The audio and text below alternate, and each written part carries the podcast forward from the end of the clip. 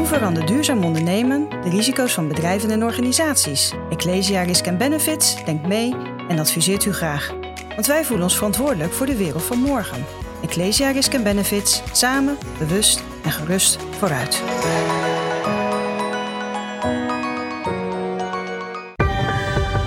Ecosofie wordt mede mogelijk gemaakt door Renewy. Renewy. Minder nieuw, meer renew. Want afval bestaat niet.